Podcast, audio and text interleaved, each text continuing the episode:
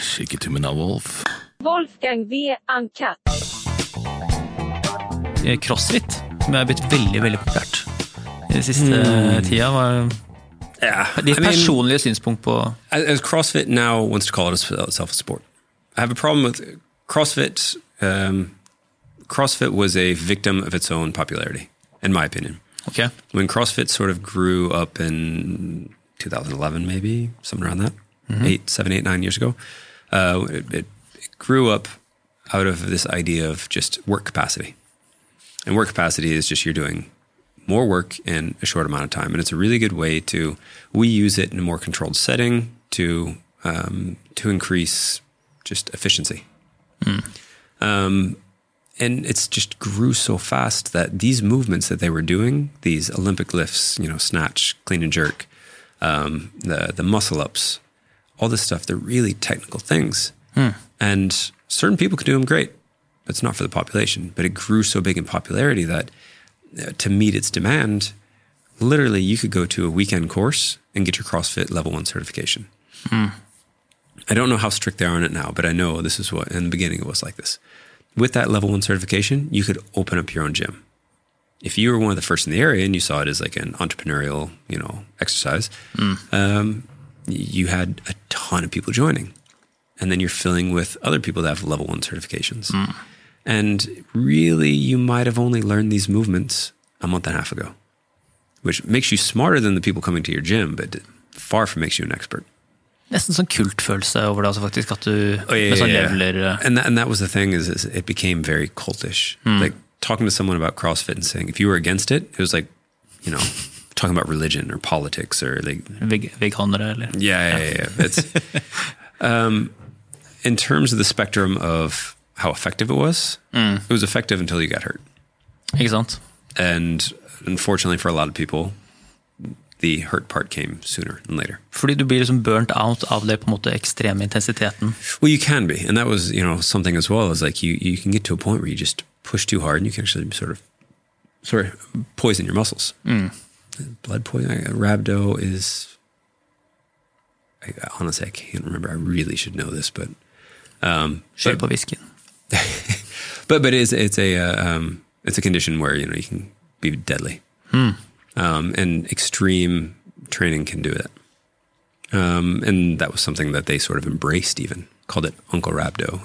And This is years ago. I think you know it was before the popularity of the CrossFit Games and things like that. I think it's come a long way, and people like Kelly Starrett who um, brought in a mobility aspect, and as people became, you know, it's, it's been around longer, so people have been in that sport longer, and now you have they sort of learned it was basically weightlifting with a work capacity.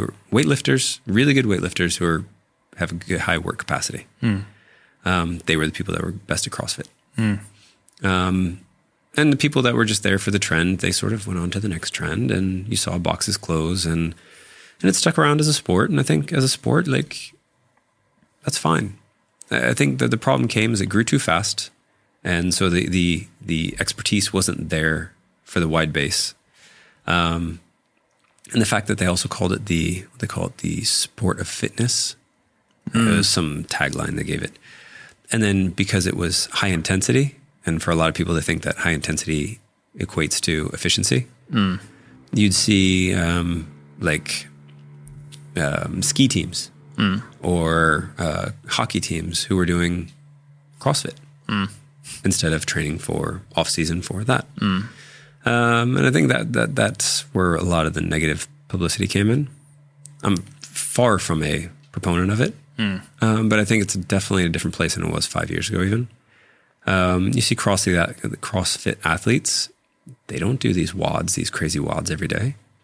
You know, they train for snatch, they train for clean and jerk, they train for muscle ups, they train for deadlift or whatever. I, I haven't been around CrossFit much lately, so I don't know all the different things they do. Um, but that's what they train for. And so it's not just push, push, push, push. It's just how a normal athlete would do it. They find the technical aspects and the specifics, and they train um, towards those. And so I think it's it is what it is. You know what you're getting into now. Um, it sort of has created its own thing, and it's its own sport. det er liksom, du ser den smittende, Jeg tror mye den der smittende entusiasmen, det at folk er så positive, og det der engasjementet, og du ser liksom kanskje en video, og folk backer hverandre opp, og det er liksom jubling. Det er, liksom, det er så mye energi i rommet, da. Så jeg, tror, så jeg tror folk, liksom folk som bare liksom trenger å komme seg på stolen, eller trenger liksom det der communityet, eller den forpliktelsen overfor andre, at du må komme og trene, for så du er en del av gjengen. liksom, altså Den samholdsfølelsen her tror jeg har gjort at crossfit har eksplodert så jævlig. da. Well, yeah, it's it's it's a combination of the community aspect and people going to bat for that community. Mm. Um, you see the same thing with Soul Cycle. Uh, you're seeing it with Barry's Bootcamp now. Ja, Um, ja, ja, ja. You're seeing it with all these different. Um, Du ser sort of lagerbildene og sånt. Ja, altså de, de er sånn, det, er mye, det er mye sånn sosiale aspekter som, som suger altså, til folk til de tingene. Yep. Og de sosiale tingene er sikkert ganske bra, men det er jo det som gjør altså, at folk liksom blir sugd litt inn i det. For jeg tror det blir litt sånn derre altså, Du får sånn instant positiv feedback på innsatsen du gjør, da. Enn å trene alene, så, som er sånn stanga på plass eller trykke på klokka. Så, sånn, ja. Well, it takes away that altså. motivation. Yeah. You know, it takes away that, that aspect that people lack, and it's like, all right, you get in there, and you know, this is what you have it up on the board, and the, the whiteboard, you're doing X, Y, Z. It's like, all right, well, everyone else is doing, it, I got to do it too. So that sort of motivation også. is built into it. ja. Nei, jeg, er ikke, jeg, skal, jeg skal ikke begynne med crossfit. eh, No, no, Det er det I, enjoy the training, the, the sessions. Like I've done CrossFit sessions, and Ja, det var det. I find that I enjoy them, but I'm also, I know how to do the movements. You know what I mean? And I also know that if, if they tell me that I'm doing burpee to box jump times 50, and you know this, I'll be like, no, I'm not, I'm not doing that. like I just, or, you know, I'm not worried about getting the first time. I'm like, all right, I'll do it, but I'm going to do it at my pace.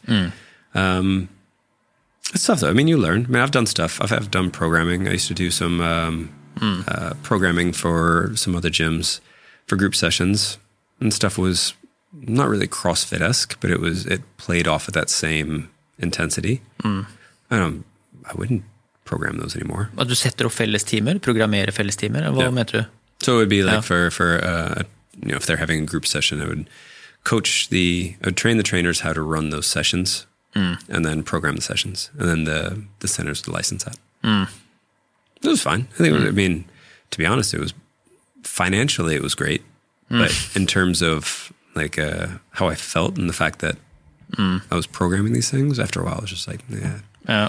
it was a bit ahead of its its. This was five six years ago, so I think if it was I was doing it now for centers, it would be a little more popular. Det er liksom de trendene og de bølgene. og Folk, du ser liksom du, hvem på jobben som kaster seg på det her. og Sånn der med, husker spinning òg.